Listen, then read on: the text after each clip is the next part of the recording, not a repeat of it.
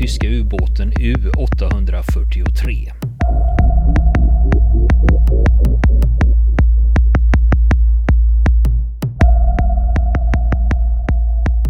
Fronten har åkt ut till Hönö i Göteborgs norra skärgård för att träffa Dag Edvardsson. Han är en känd profil här ute på öarna och han var bland annat med och startade Fiskemuseet på Hönö. Men det är inte därför vi åker hem till honom idag, utan det är hans intresse av den tyska ubåten U843. Men han kan inte riktigt förklara sin fascination för just den här ubåten. Jag kan inte köra på det riktigt. Det var bara det att det, jag, fick, jag var ju 18 år då när det blev aktuellt att den skulle tas upp, vet du. Så jag började följa upp det här mer och mer och mer och mer, den ubåten. Herregud vad det var spännande tyckte jag. Och, och, och så första gången jag såg ubåten, det var vid, det även under foderbron. Foderbroa. Där när vågorna, alltså nu, när det var sån här äh, dyning. Och när dyningen gick ner, då såg jag tornet på båten. Och det, jag rös när jag såg det va. Så jag begriper inte varför jag blev så intresserad. Och sen kunde de inte ha han där. De gick till Öckerö med han. Och la han där. Men det bar inte botten. Så de tog han till Hönö. Och la han vid Hörneheden. Och där vid Hörneheden då, där, där satt jag nästan dagligen. Och farsan var så förbannad på mig för att jag inte jobbade utan jag satt och tittade på han. Men han erkände för många år senare, det var la tur att du satt där. Och då tackar jag, om det var så jag menar. Men i alla fall, eh, jag hade den turen också när båten kom upp. Han var inte törr en gång, alltså skrövet. Så fick jag komma ombord. Vilket år är det nu? Det är 58. Och då, det var så det, att jag blev intresserad av den. Och sen var det var, jo, det var det att eh, jag kom i kontakt med, när jag började med museet. Sen dog detta för mig. va. Jag följde ubåten till den dag när jag såg han vid Björkö och Vegafjord, det var den båten som lastade ur han va. Slebade han med sig, vet du. han flöt som, eh, som en kork. För hans skador var ju inte så svåra som en trodde. Utan han gick ju ner, men det, kan, det får jag ju ta nu när, när ni får berätta vad, hur, hur han kom sig dit. Va? Men i alla fall, U843 eh, ubåten, han kunde gå 11 000 körmil. Den eh, stora U843. Innan de behöver tanka igen va. Men han gick i alla fall, jag ska se här nu. Den 10 februari 1944 det lämnade U843 den franska hamnen med en besättning av cirka 50 man. Och befälhavare var då kaptenslöjtnant Oskar Hervarts. Va? Och de körde ju det, mest var de ju under vattnet. Eh, de sänkte en båt på vägen ner som hette Nebraska. Och denne Nebraska då eh, var inget folk som dog på. Va? Men han berättade det kapten, vi hörde, alltså folket kunde, kunde gå i livbåtar om vi säger så då. Innan han sjönk då. Men vi hörde så han hörde det knaka och hade sig när båten sjönk. Det säger ju att det plåda vrider sig på något konstigt sätt va. Ja, det tyckte han var så hemskt. Sen så blev han anfallen. Så de fick svåra skador på båten va. Så de var tvungna att gå in i Penang då. Till, till en verkstad där, vad man ska kalla det för. Och det är Indonesien då? Indonesien ja. Indonesien. Och det låg ju väldigt många ubåtar, bland annat då den här Schäfers båt. Som 143 var det väl? Ja. Men vad var historien innan? För nu var du framme vid 1944. Ja, jag är 44 nu. För att det, detta var ju när han kom hit och jag blev intresserad. Va? Mm. Och detta då var, var när, jag, när jag fortsatte, det var när jag började med museet. Då kom jag igen va. Och då fick jag hjälp åt Åke Williams på Göteborgs-Posten. Fantastisk man. Han fick ju hjälp åt mig också. Jag ordnade ju så han fick eh, intervjua morsan och farsan om vi säger så. Men i alla fall, eh, tack vare eh, han så blir jag ju så fruktansvärt intresserad. Åt det här, men nu ska jag ha han till museet va. Och så kommer det en man till mig en dag och säger Är du också intresserad av U843? Ja, jag satt där nere och tittade på honom när de tog upp honom 58. Nu är jag alltså på museet va. Det är ju så många år senare, 80-tal. och, och eh, det var Jan Arvid Hellström. biskopen. Nu, eh, nu Arvid Hellströms son. Kyrkoherdens son på Öckerö. På den tiden. Han blev ju senare då eh, biskop i Växjö. Ja, sa han, då kan inte vi ordna det då. Då hade han i sin tur, jag satt där nere på berget och tittade. Och när de lastade ur båden då va? och tänkte om jag hade fått varit med där och röjt och haft. Och, och han satt på Falken, ångbåden, när jag åkte till stan. Då studerade ju han va. Och vi fick ju sött intresse bägge två att hänga ubåtar. Och vi pratade om det, så vi skulle skriva en bok och vi skulle göra alla världens sorter va. Och, och jag fick ju ihop rätt så mycket. Jag var ju frågan om som hade varit med och, och, och jag fick grejer där, jag fick grejer där, om säger så, de som hade varit med och, och lastat ur båden. Va? Men det var så svårt för att det, vad skulle jag ta emot för någonting? För varför jag säger så här, denne ubåden hade en speciell historia på så vis att när han blev påskjuten där nere i Penang så fick kapten ta in båten där för att få laga han. Men kom det en japan som var skadad så fick ubåtar flytta sig. Va? Eller de tyska båda flytta sig. Då skulle japanerna fram. Och det gick ju den ene dagen på den andra och kapten de tröttnade ju. Men så fick han en order kapten. Han skulle inte gå, hem, gå som en krigsförande ubåt. Utan han skulle han skulle helt enkelt bli en så kallad sjöko. De skulle lasta han. Och så skulle han hem med det till Tyskland för det behövdes ju. Det var rågummi. Skulle ligga i ytterskruvet på båden. Och det var med, med, med, vad hette det nu? Det var tenn. Det var knark kan vi säga, alltså det var ju mediciner då. Va? Molybden var det ja. Det var ju någon sorts giftigt eh, grej som de slibade just eh, kanonpibor och sånt med. Va? Det här grejet. Va? Ja, han skulle lasta han full åt eh, värdefulla, värdefull last. Och så skulle han då få ge sig av. De hade ju till och med i tuberna hade de lastat fullt. Va? Alltså eh, de här tuberna, ja, det, vad heter det? Torpedtuberna. Torpedtuberna, ja, det är gärna stoppar på mig ibland. Men han kunde inte komma sig därifrån, kapten. Men så hittade han på någonting. Att han skulle att han skulle helt enkelt eh, ordna en boxningsmatch. Man hade en väldigt fin boxare ombord på ubåten, för lite, lite Jögan.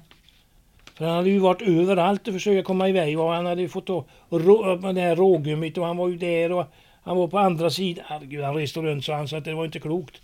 Men till slut så blev båden lastad då. Och då skulle det vara den här boxningsmatchen. Men så säger han det kapten att jag måste gå och prova motorerna först nu för att de, de fungerar igen. Och det fick han löv. Prova de motorerna. Så han gick ut. Så dög han, så stack han. Det var nämligen så här att det var tredje, det var fjärde ubåt som gick för att bli sänkta. Alltså när de gick därifrån. Det var nämligen så att det fanns en holländare som var spion.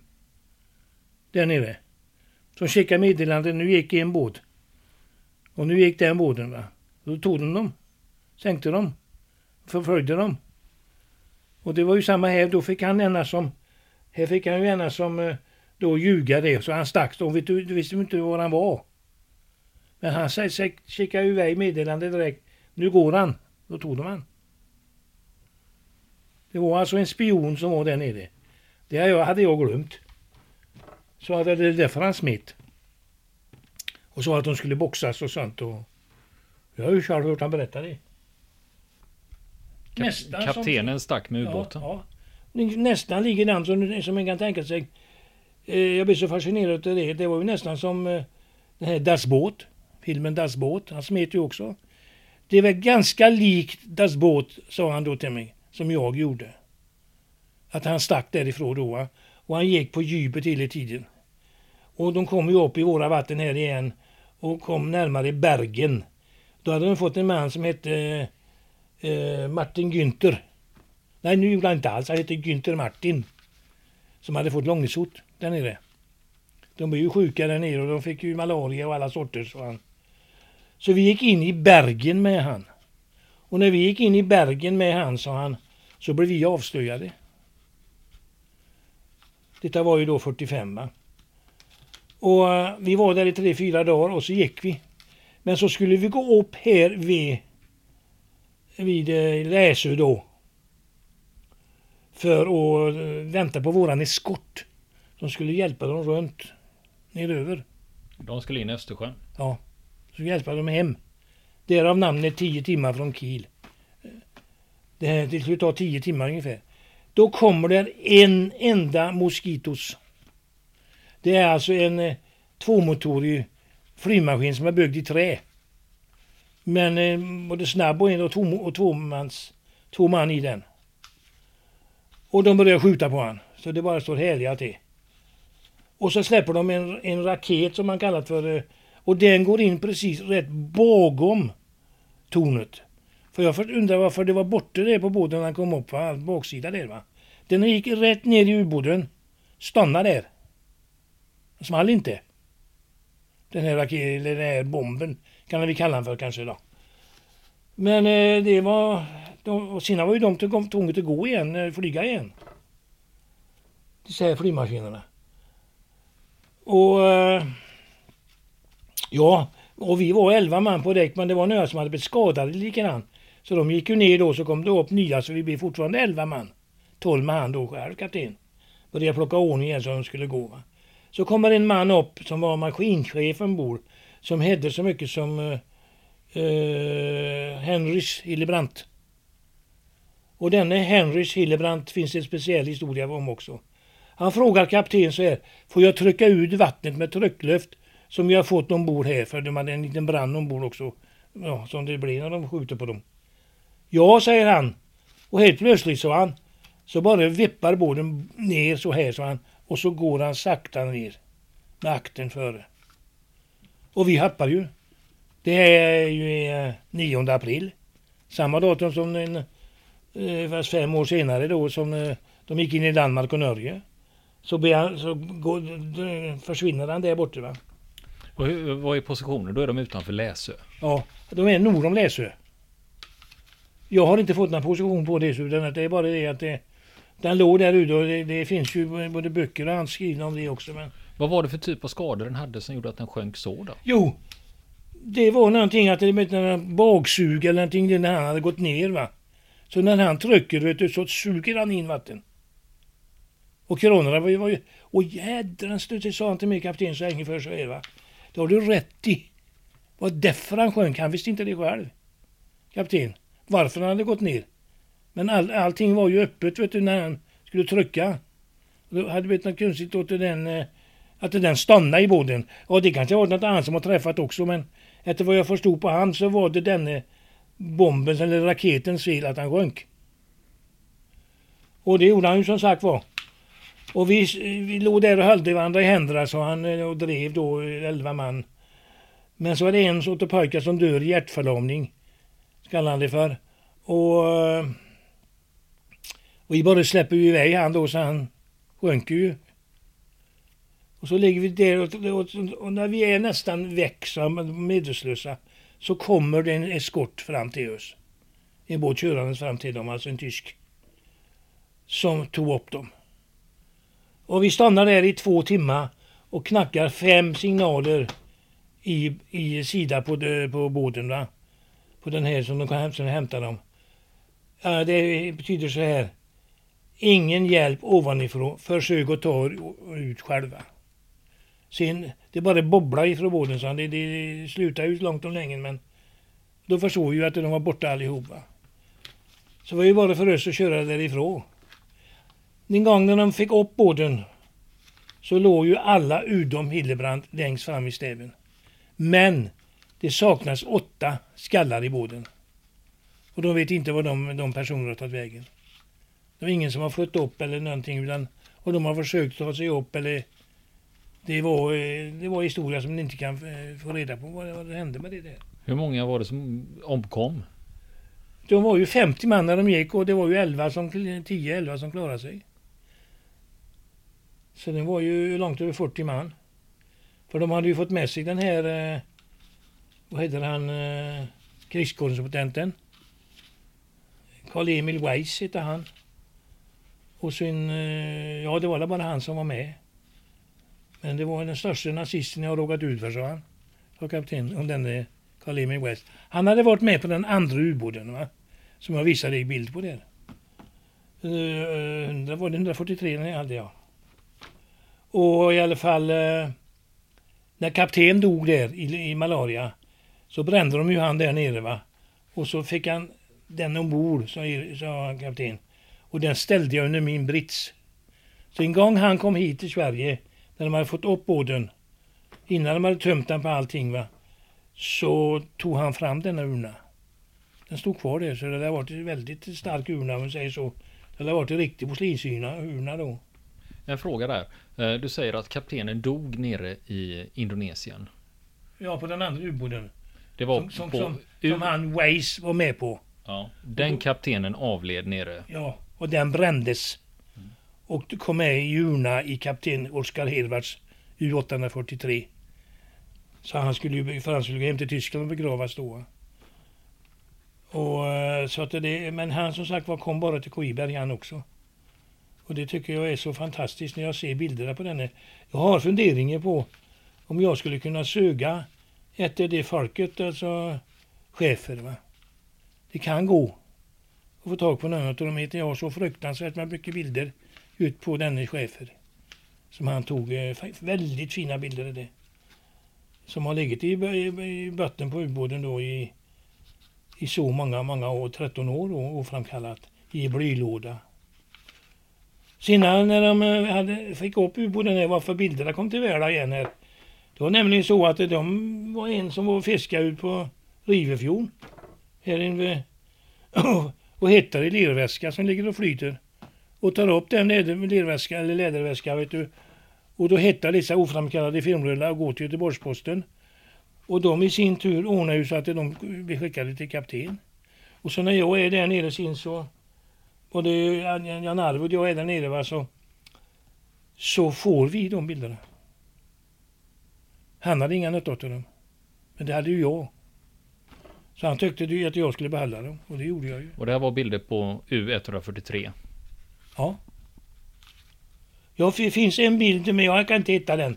Jag är den enda i världen som har en bild på, på en ubåt. Som, på den som är med där. För jag lånade vis, visa bilder för en, en gubbe en gång och så sa till honom, jag har märkt varenda bild så snor du något så skojar jag. Det gör inte jag, sa han. Jag har fått låna dem åt dig. Men det är en bild på en ubåt som, som bara du har, sa han. Och det är ju rätt fantastiskt när jag tänker på det. Men äh, man hade inget på, inget på U843, det hade han inte i alla fall. Utan de fick ju titta på de bilderna. En fråga där. Du fick ju gå ombord på ubåten. När jag var, när jag var 18 år, ja. ja. Hur var det? Jag, jag rös. Och jag var på väg upp i tornet och tittade ner. Då låg där kläder, trasor. Och kan du gissa vem det var? Det var Henry Hillebrand. Denne eh, som hade frågat om han fick trycka ut vattnet. Han kom inte längre än till tornet. Och när de hade begravning här så kom hans fru och, och son som han hade sett en gång hade han sett sin pojk. Det var när mamma Maria, som hon hette, hade visat upp hans son när tåget passerade och nyfödd. Och han hade ju samma namn som pappan då. Och när han var här då var han ju, jag var, han var 16 år när de eh, gjorde begravningen här. Så jag började följa upp den mannen också vet du och fick tag på han.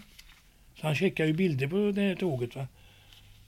Och, och det, det roligaste av alltihop var ju när jag var i Tyskland med, med Sylke. Så knackade det på dörren en kväll vet du. Och vem kommer in där? Jo, Henry Silverbrandt. Med sitt leksakståg. För han visste att jag skulle komma dit. Sonen alltså? Sonen till den Hildebrandt ja.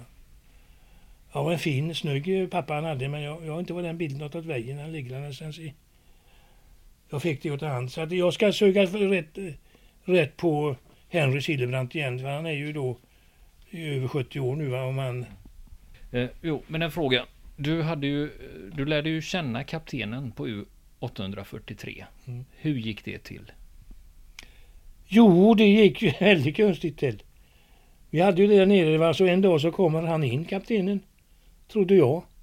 Men det var en av hans söner som var kopia Var var det här någonstans? Museet. Fiskemuseet på Hönö? Ja, Fiskemuseet ja. Och på taket på sin bil hade han en eh, hade han en eh, eh, sån här, vad heter det, kanadensare. Så han slagade runt i Sverige och, och på sjöar och sånt, vad sa han. Jag kommer inte ihåg vad han heter nu men det... Så jag började prata med honom och jag ville ta bilder på honom men det fick jag inte. Men du kan prata med pappa när du kommer hem, så jag, om man, om man är intresserad och att jag ska komma ner. Och så fick jag ju då ett meddelande långt om länge då att det var jätteroligt om man kunde komma ner. Jag visste inte hur fasen jag skulle ha med. Jag hade ett fruntimmer på gång som pratade tyska men ah, nej, den vill jag inte ha med tänkte jag. Men så hade jag ju den för jorda turen. Att eh, ja, Sylke och jag har ju känt varandra i 30 år. Om inte mer. Ja, jag kan ju nämna det att Sylke eh, Sandberg Ja, från Sandberg, ja. eh, Hälsö, hon är ju tyskspråkig från början. Ja, hon flydde ju hit till och med. Ja, så att Mm. eh, Ja, det- hon jobbade som lärare här då. Ja, fantastisk kvinna. Och hur var det att komma ner till Tyskland och träffa kaptenen? Vi, det började jag trassla till sig när vi kommer för vi skulle flyga ner. Va? I Meckenheim då. Det är ju sådana här flygplan vet du som du tänker dig tvåmotoriga propellerplan. Va? Och ett hade gått sönder och jag blev ju vansinnig vet du. Vi hade ju bestämt tid med en kapten där nere att vi skulle komma då och då. Så jag sa till Sylke, detta är ju rena döden för oss. Han kanske går hem när inte vi kommer. Ah, det löser sig tyckte hon då. Och till slut så kom vi oss iväg vet du. Och han, klart han hade ju gått hem, kapten. Då finns det bara en sak att göra, sa Sylke. Vi tar taxi. Vi har adressen. Och det var inte så långt därifrån. Och det första jag får se det är en liten kort man.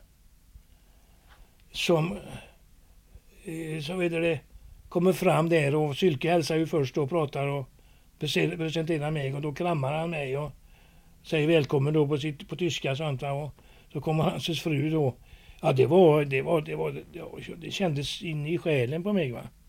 Att jag, här är jag och träffar kaptenen som jag, som var här 1958 och fick eh, uppleva detta att hans besättning eh, hade dött allihop och hur han måste ha känt det och ja, det kom över mig alltihop det va. Och så började han att berätta vet du, och han berättade och han berättade. Men jag förstod ju ingenting men det har ju Sylke men de försvann ju de banden vet du som var så taskigt. För ni spelade in det på video. Ja, vi gjorde en video på det också, ja, men det var inte så mycket prat då vet du. Utan att han sitter och berättar, han har väldigt stora händer och han är väldigt sjuk. Förstår vi. Hur gammal var han då? 88. Men jag tyckte det var så roligt, så roligt, så roligt att det...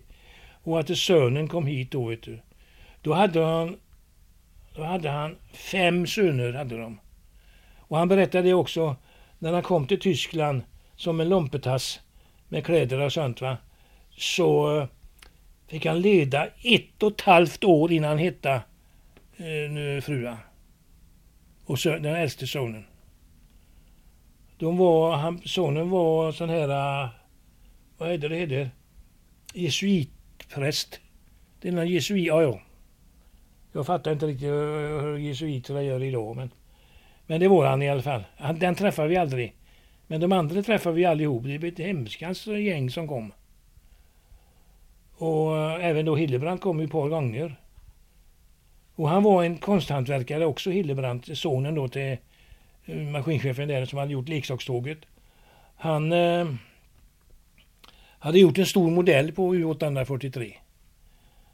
Och jag blev alldeles dålig när jag fick höra det. Vet du. Och Tänk om man hade kunnat fått... Ja, han- det, det kunde han ju inte ta med sig för den stod i en monter. Men det var en konsthantverkare eh, ute i fingerspetsar, denne mannen. Vad han gjorde det vet jag inte.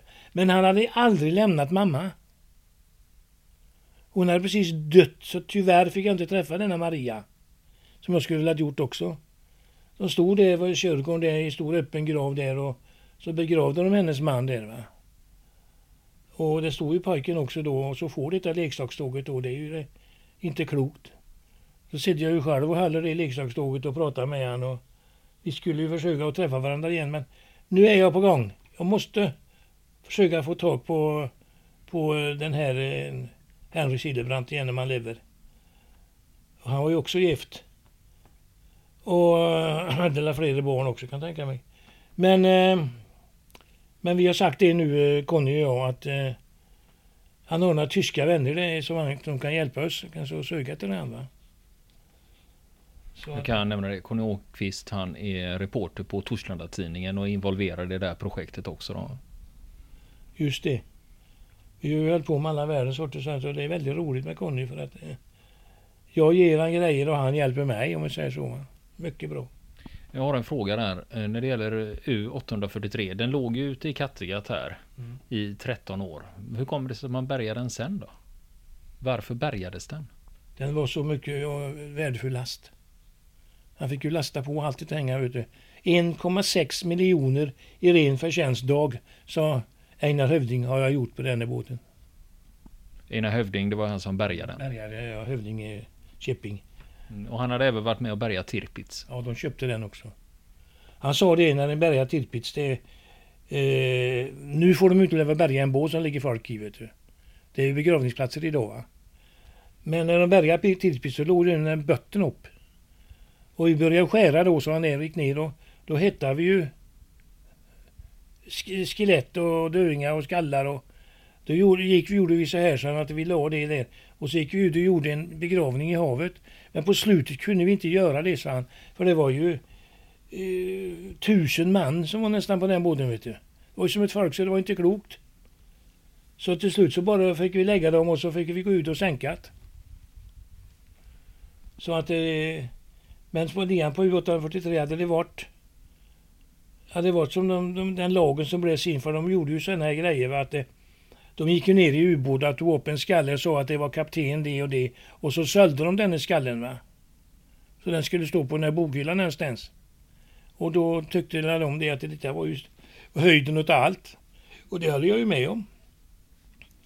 Så de hade ju en ubåt de tog upp vid, här vid, vad heter det, Anholt. Det var inget folk ombord på den.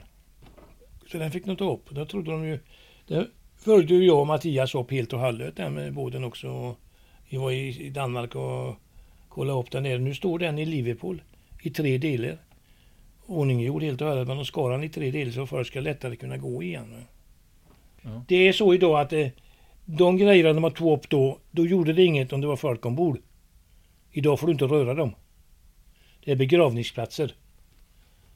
Och det kan ju vara bra att det kan få ligga still nu. Nu det inget. Och det är ju många båtar som ligger här utanför som de är nere och grejer men får inget ta ifrån dem. Då, eh, alltså om det är folk eller så. Men eh, U843, den boxerades in hit och först var den under Fotobron sa du och sen var den vid Hönöheden. Vad hände ja. med den sen? Jo, det var stå, två stora tyska, tyska båtar som bärgade alltså som var speciellt för bärgning.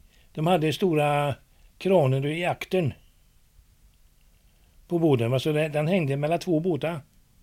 Det finns en film om det också som ligger där. När de kommer med han. Och senare finns ju en film på han när kaptenen är och hälsar på på båten. Som är på så, samma film. Så kaptenen var här 1958 då? Ja, det var han. Han var även här på begravningar då. Men han var nere här och han var ruskad på huvudet så här när ruskar på huvudet när han eh, ser då han tar fram en grej som ligger nere i båten. Bland annat är det en, eh, eh en söpp... Ja, en, Soppslev? Slev, ja. Man tittar på, vet du. Och det är ju så sketet ombord, vet du. Men det, det, du ser det på filmen ser du inga skallar eller någonting, va. Det är rent när de är nere. Sedan ser du då när de är på däcket och tittar då, när, när all, all, alla det här alla, den här eh, rågummet låg. För det gick ju inte i sig om det låg i vatten. Så jag förstår inte att, att inte båten sjönk så lastad som han var. Men hela, hela ytterskruvet låg fullt. Det finns bilder på det också. Nu innan det kommer, de som ligger där. Mm. När vi började här, då var ju året 1944. Mm. När vi började prata om det här. Och vad hade U843 gjort innan dess? Ingenting. Den var, den, den var helt ny alltså? Han har inte gjort någonting. Så de går till... Jag har inte kunnat få fram det i alla fall. Utan han gick därifrån då. Kapten, han fick på... Det var ut, började ta på folket också, till kaptener och sånt. Så kapten Oskar Hedvards var egentligen en utbildning på flyg. Och så kunde han ju, då kunde han ju navigera och greja va. Så han fick ju den U843 då. Sen hade de väldigt fint folk med sig vet du. Eh, som Hillebrant och alla reserva som var gamla, gamla uvar vet du, som kanske har klarat sig då. Va? Men de fick en ny båt och så, ja. Och den båten frågar du om nu ja. Vad det blev med han? Jo, jag såg ju när han släpade han. Då hängde akt, var akten ganska hög på honom. Va? Men han flöt som en kork. Så du förstår, det var inga stora skador på honom. När, eh, varför han sjönk då, det, det har ju blivit en, en, eh, en grej som gör att han sög in vatten istället. Va? Och dränkte dem allihop.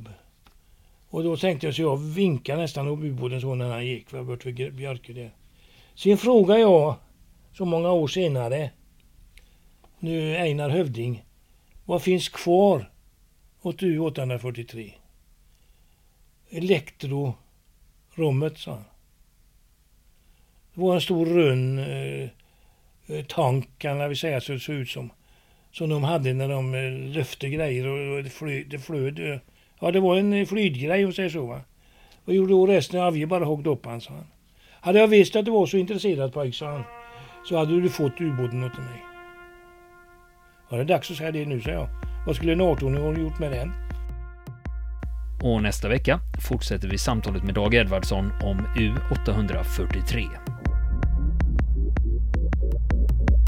Vill ni komma i kontakt med oss så kan ni göra det via vår Facebook-sida som heter Fronten. Det är inga problem för er att leta er fram där. Eller också så mejlar ni på vår mejladress och det är frontenpodcast.gmail.com.